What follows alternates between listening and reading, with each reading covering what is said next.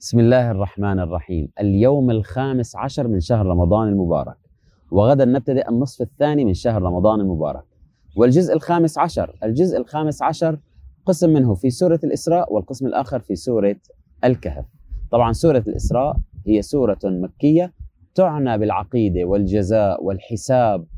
قال تعالى سبحان الذي أسرى بعبده ليلا من المسجد الحرام إلى المسجد الأقصى الذي باركنا حوله لنريه من آياتنا إنه هو السميع البصير طبعا سورة الإسراء خلدت معجزة الإسراء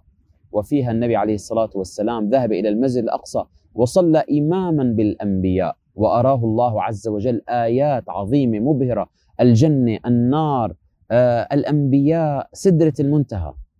وأيضا في سورة الإسراء قال الله عز وجل ويدعو الإنسان بالشر دعاءه بالخير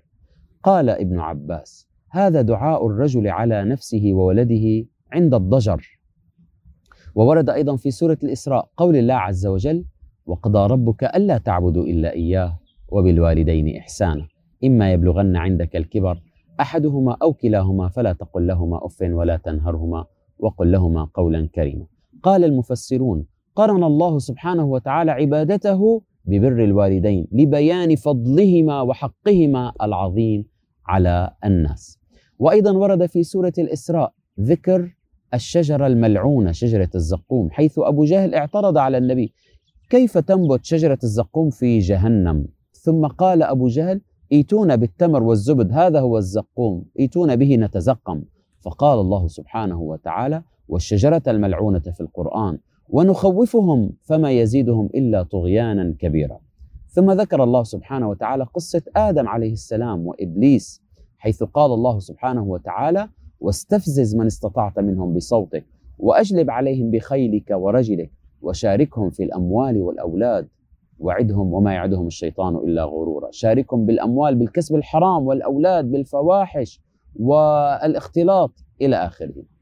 ثم ذكر الله سبحانه وتعالى أيضا عن الروح فقال حينما سألت قريش النبي عن الروح فأجابهم الله عز وجل ويسألونك عن الروح قل الروح من أمر ربي وما أوتيتم من العلم إلا قليلا انتهت سورة الإسراء ونبتدئ بسورة الكهف سورة الكهف سورة رائعة جميلة فيها قصص جميلة جدا ومبهرة قصة أصحاب الكهف قصة موسى والخضر قصة ذي القرنين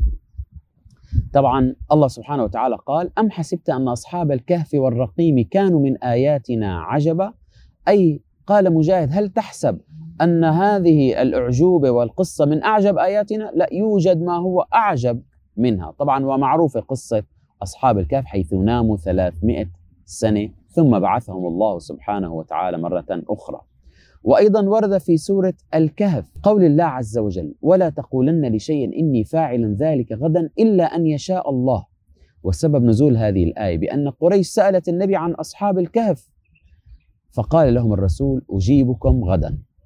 فتأخر الوحي على النبي وأنزل الله عز وجل عليه هذه الآية وقال ولا تقولن لشيء إني فاعل ذلك غدا إلا أن يشاء الله